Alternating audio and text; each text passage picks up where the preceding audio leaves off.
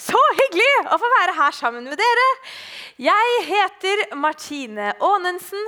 Jeg er 25 år, og jeg bor i Endal. eh, og likevel tør dere invitere meg. Det er helt fantastisk.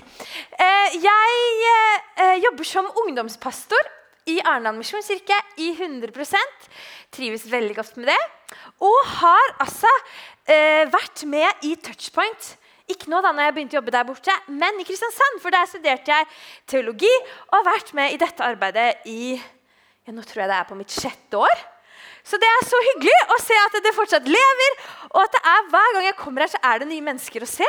Og det er så kjekt at dere kommer her og begynner uka på denne måten. Da setter man liksom litt fokus, og så eh, har dere et større fellesskap å komme til.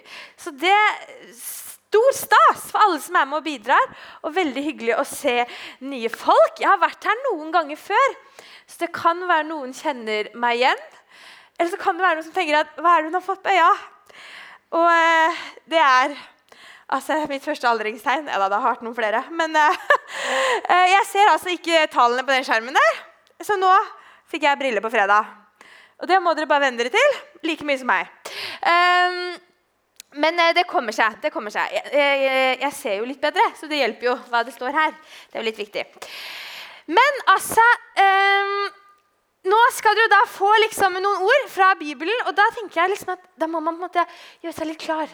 Man må liksom sette seg litt rette. Rette.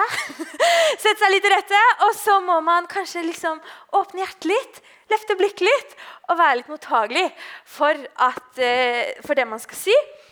Og så tror vi på at der to eller tre er samlet, er Jesus midt iblant oss. Han er her sammen med oss, og han kan eh, vise oss nye ting om hvem han er. Så det tror jeg så på. Og dere er jo da i eh, taleserien 'Jesus er'.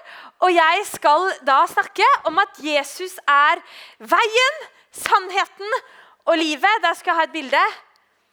Jesus er veien, sannheten og livet.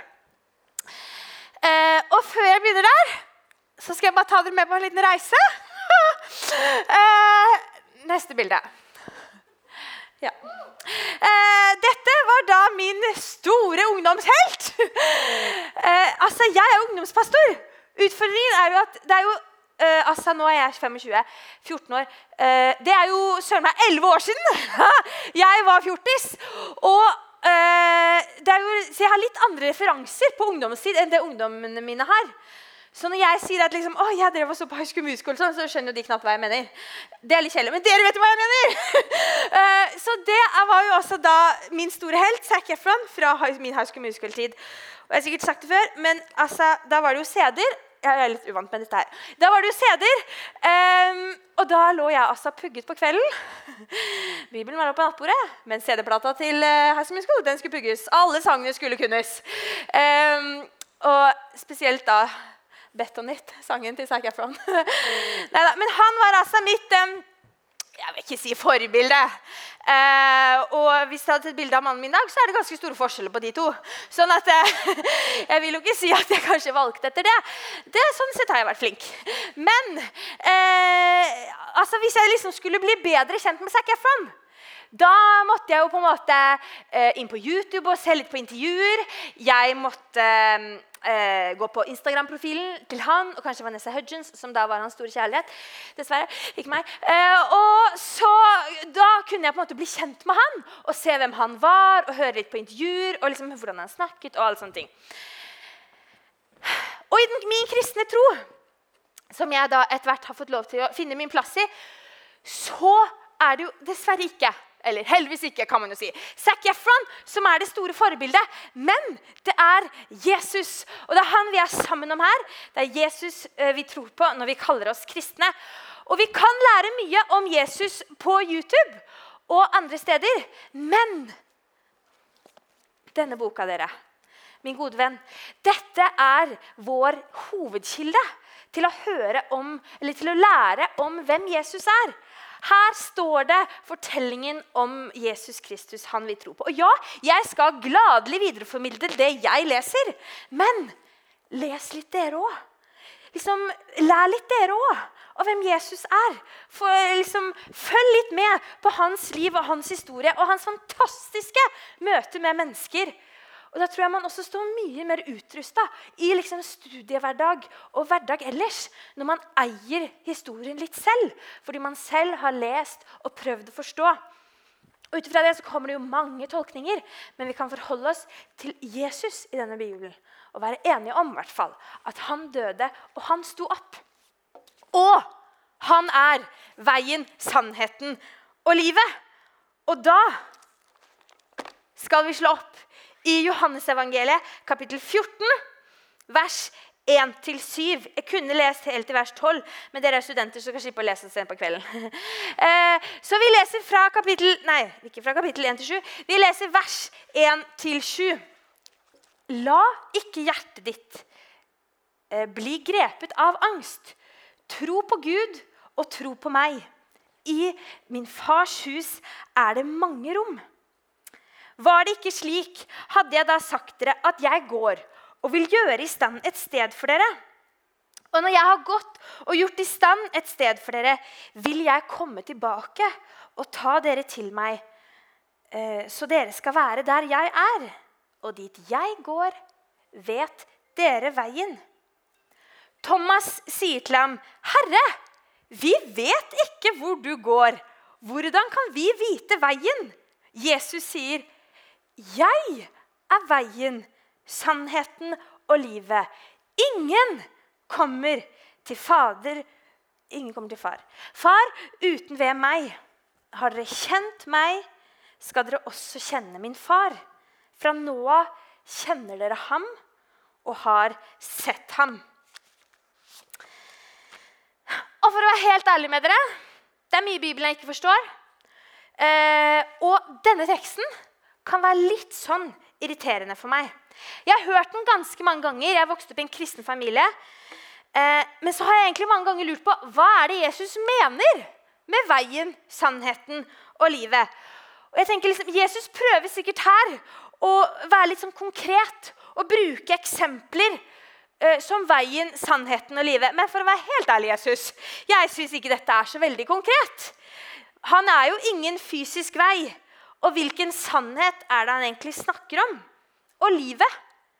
Jeg har jo et liv. Finnes det et annet liv? Og jeg må jo si at jeg kjenner meg litt igjen i disiplene her. Mannen min han jobber på plattform, altså på sjøen. I olja.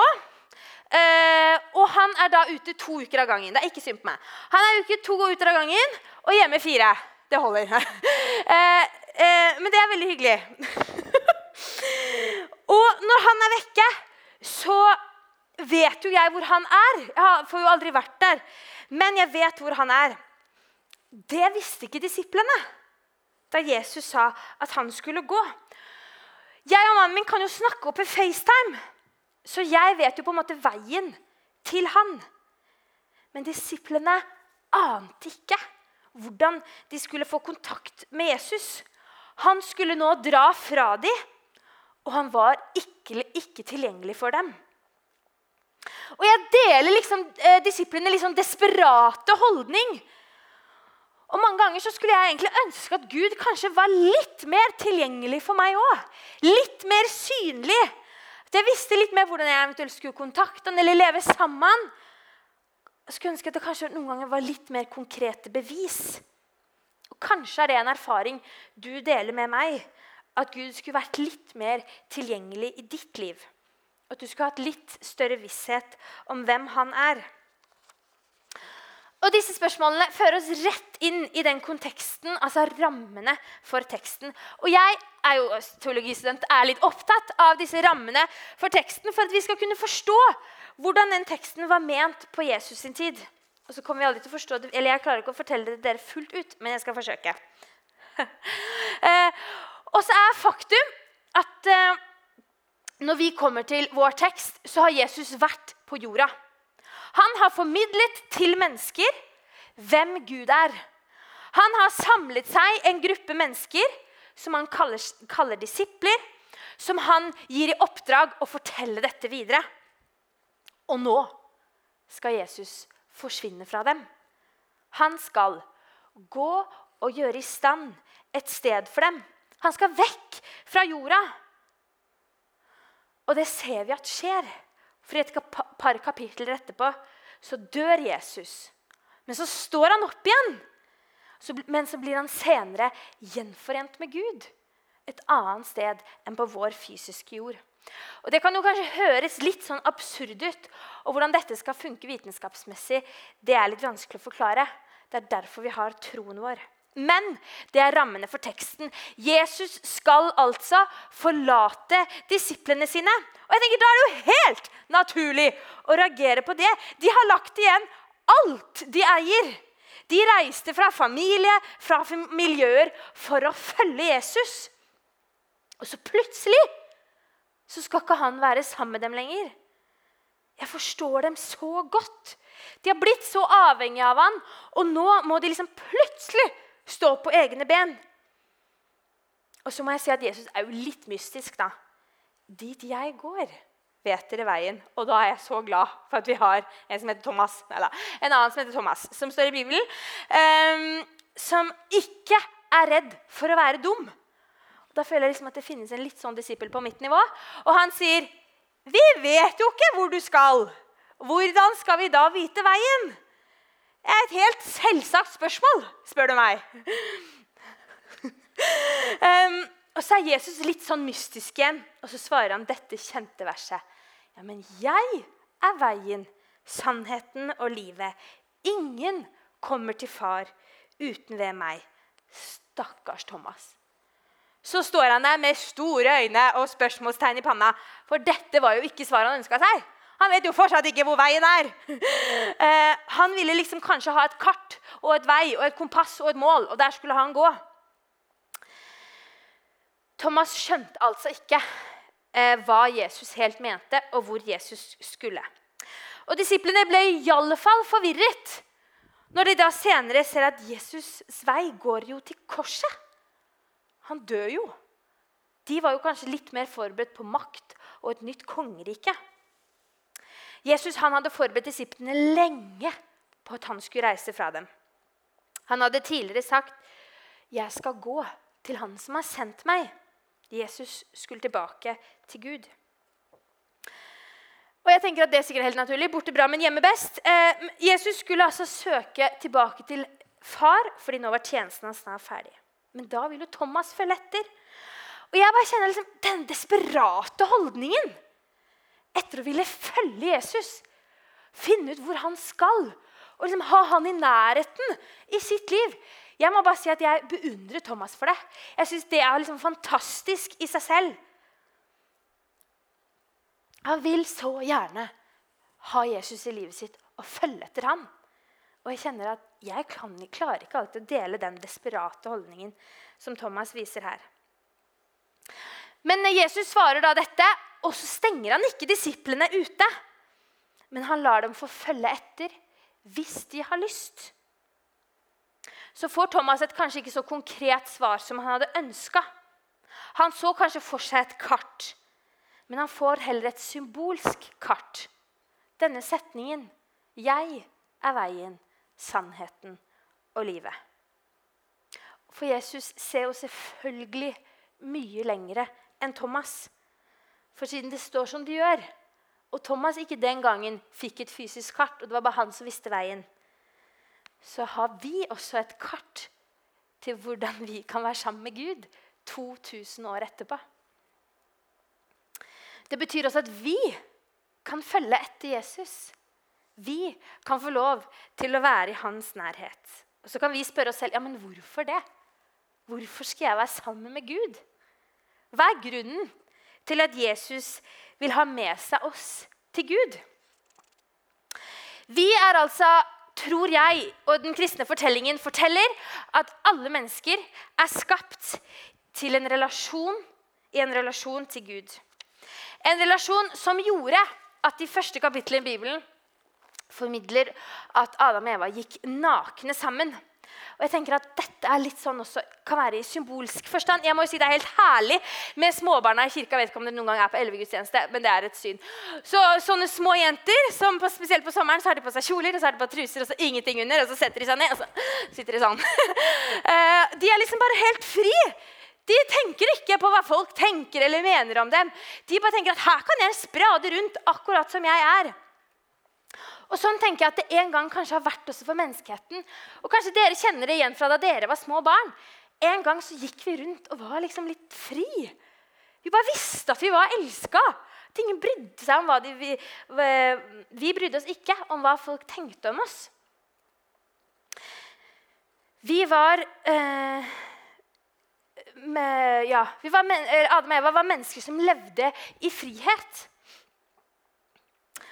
Og så kommer dette, da. At vi liksom klusser det til. Vi tenker at 'ja, men jeg vet jo best'. Så kommer det sånn stoff inni oss som sprer seg i kroppen, som vi kaller synd. Ondskap, egoisme og mangel på ydmykhet. Og siden Gud er uten dette stoffet, for han er hellig og kjærlig, så kunne ikke vi leve sammen med ham. Det ble liksom to magneter som støta litt fra hverandre.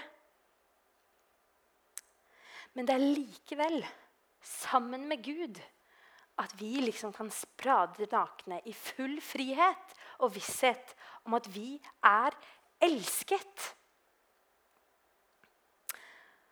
Og Gud ser at det er jo hans kjærlighet og denne omsorgen som mennesker levde i da vi levde i paradis, det er jo den mennesker trenger.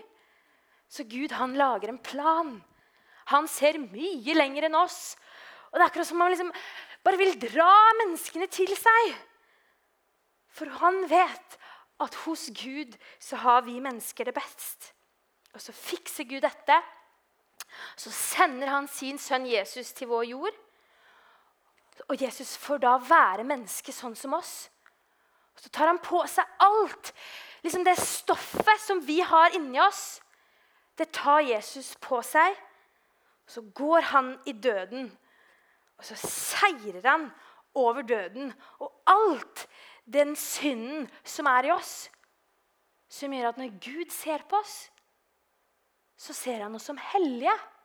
Fordi han ser oss gjennom Jesus. Han har liksom fått nye briller. Passa jo bra i dag. Um, så er Jesus brillene som gjør at når Gud ser på oss, så ser han at vi er hellige, rettferdige, skyldfri og syndfri. Fordi Jesus har tatt det på seg. Derfor kan vi igjen få lov til å leve sammen med Gud. Han har forberedt et rom til hver av oss. Og derfor gir han Thomas og alle andre mennesker, også oss i dag, invitasjonen til å være med han. Og gir oss dette kartet som leder oss til Gud. Men hva betyr nå dette kartet? La oss tenke at vi er i en fremmed by, og vi spør om veien. Og så får vi høre Ta første veien til høyre, så annen vei til venstre. Gå rett over torget, forbi kirken. Ta så tredje vei til høyre. Da vil den veien du spør om, være den fjerde på venstre hånd. Takk. Eh, men tenk deg at du spør en som sier, 'Kom her. Jeg skal følge deg dit.' I dette eh, tilfellet vil selve personen være veien din. Sånn tenker jeg at vi kan forstå denne teksten.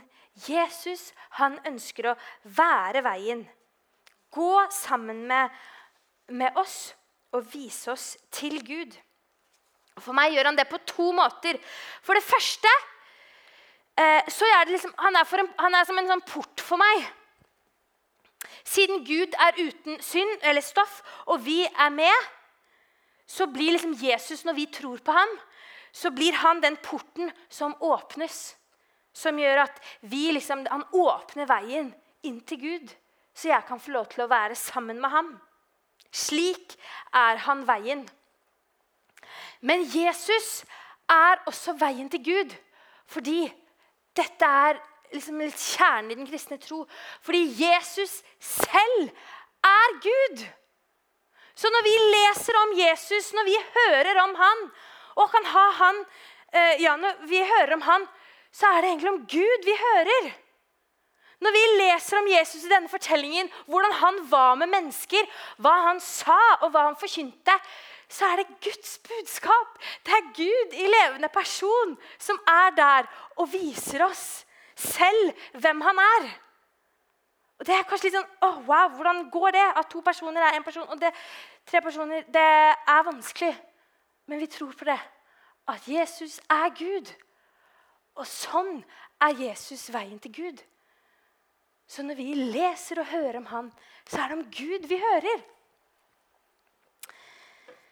Så ved å være veien for oss, ikke å bare vise den og si hvor vi skal gå, så er Jesus veien til Gud.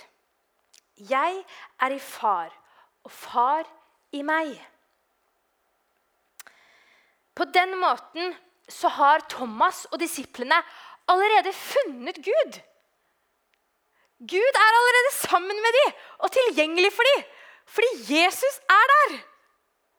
Det er på en måte ikke noe de må gjøre eller streve etter, gå et sted eller en oppskrift de må følge. Gud er sammen med dem. De er sammen med Gud fordi Jesus er rundt dem.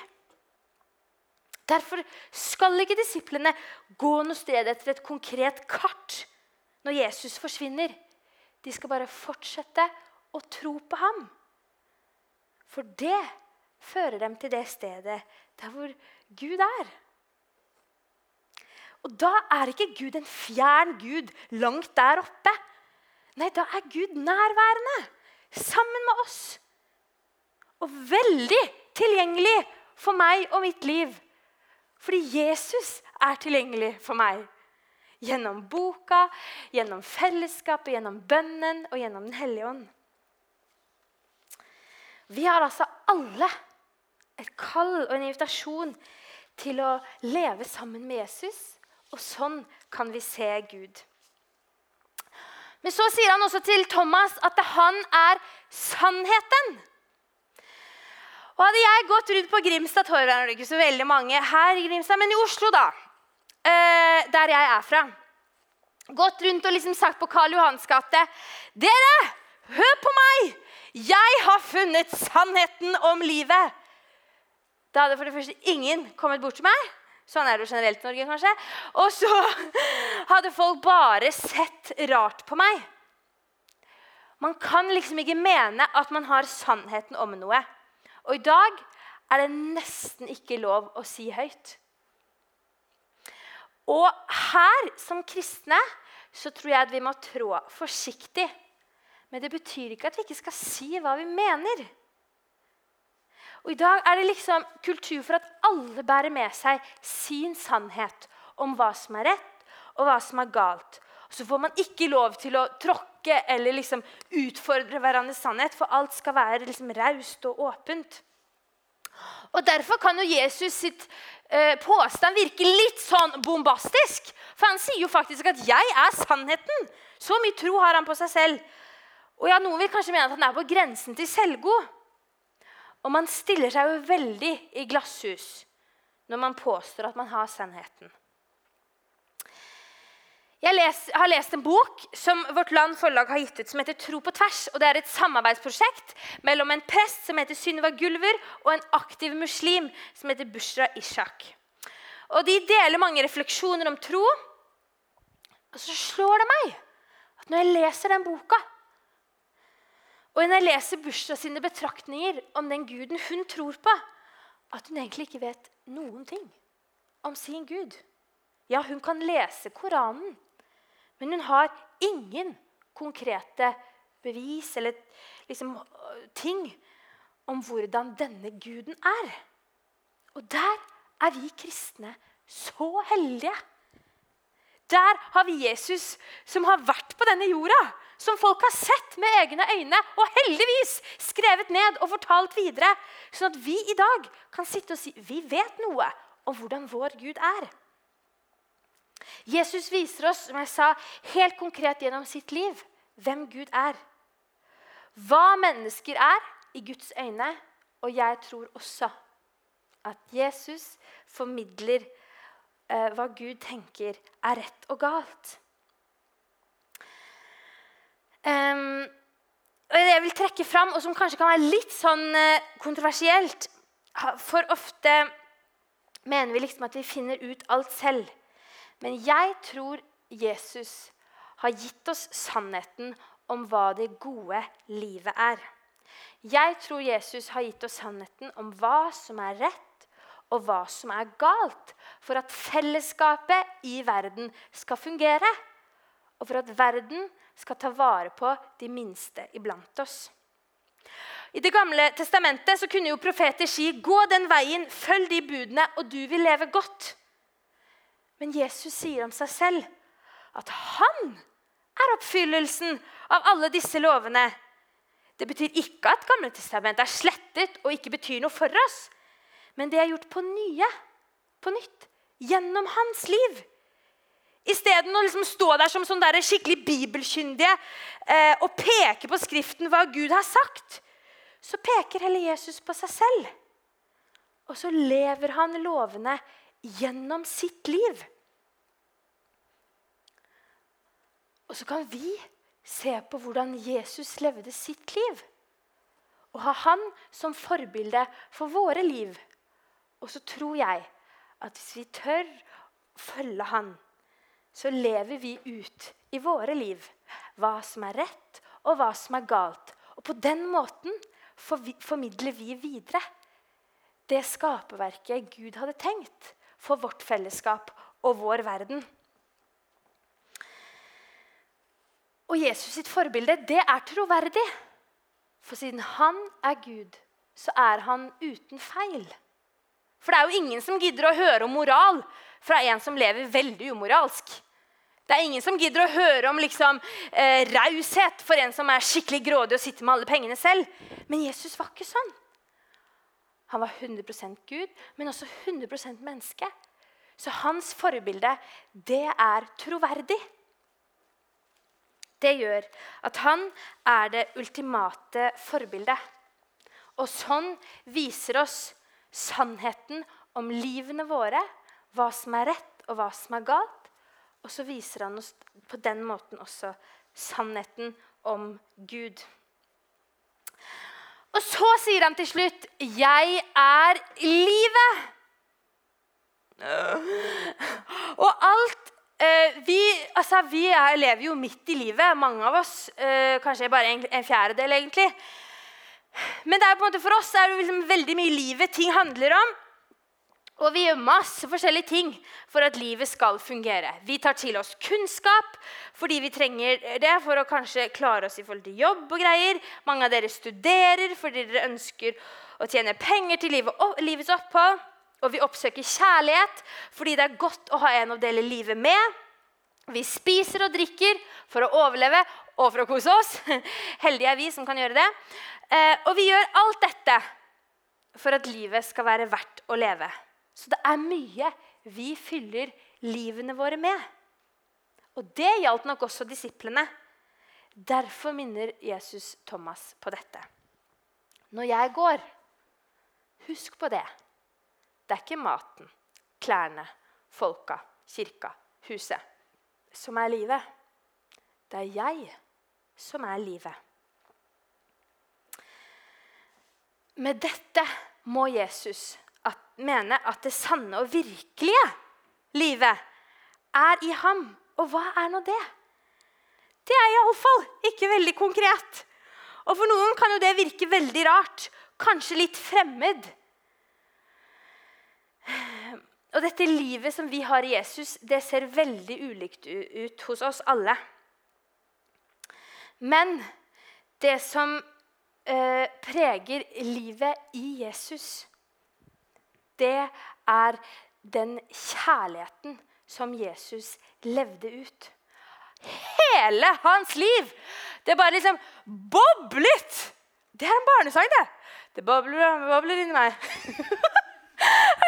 Det bobler av liksom omsorg og kjærlighet når Jesus er på jorda. Det er det når han lever her og ønsker å vise til oss. det livet vi skal leve på jorda, så er det den kjærligheten han viste til mennesker, som vi også får lov og har ansvar, mener jeg, for å gi videre. Så det er livet på jorda. Men så er det også et annet forbilde som Jesus viser oss. Det er at han står opp fra døden tredje dag. Og til det kan man diskutere opp og ned om vitenskap og alt mulig. Men jeg i mitt liv i hvert fall har kommet fram til at det kan ha skjedd. Hvis Gud er Gud, så kan han reise igjen opp fra de døde. Og det gjør han. Han reiser igjen opp fra de døde. Så gir han Jesus et evig liv. Og det mener jeg er et forbilde på det som også kommer til å skje med oss etter døden. Jesus har vist oss hvordan livet vårt kan være her nede på jorda. Men så mener jeg også at Jesus viser oss at mennesker som tror på ham, har et liv etter døden. Vi har fått det evige livet, og det snakkes ikke mye om. Og det er lenge, forhåpentligvis, til mange av oss dør og skal forholde oss til dette spørsmålet. Men jeg tror at når vi tror på Jesus, så får vi et evig liv. Og det er livet i Jesus. Vi får lov til å leve et liv her på jorda sammen med ham. Men så får vi også fortsette livet i det evige sammen med Jesus der han er.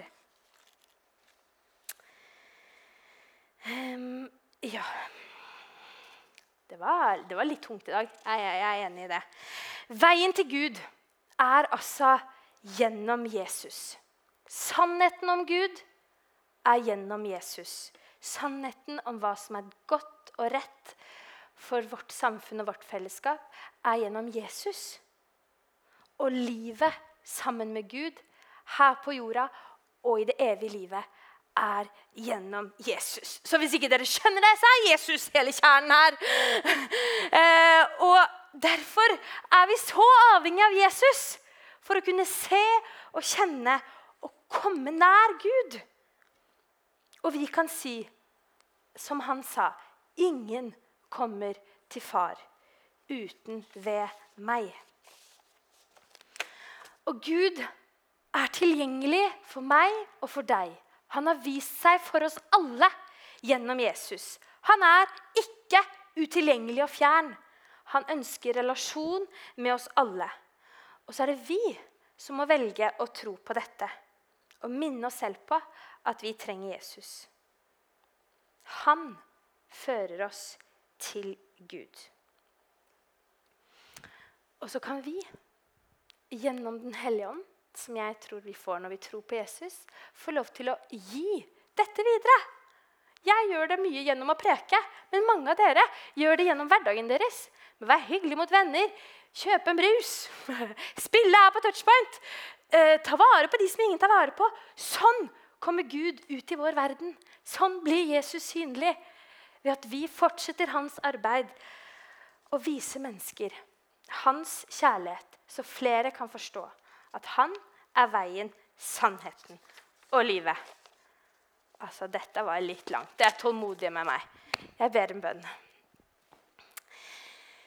Kjære himmelske Far, jeg takker deg for at du en gang for 2000 år siden gikk rundt på denne jorda og viste noen mennesker hvem du var, og hvem Gud var.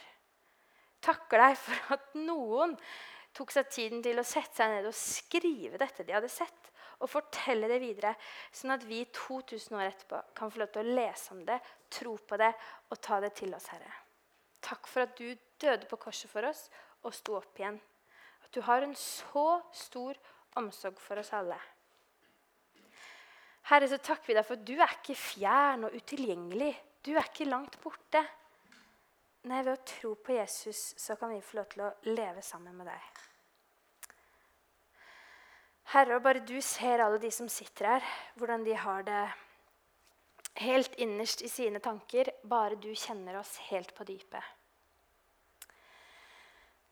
Herre, må du hjelpe oss til å tro på Jesus. Det er ikke alltid så lett, det. Vi tviler, vi kan være usikre.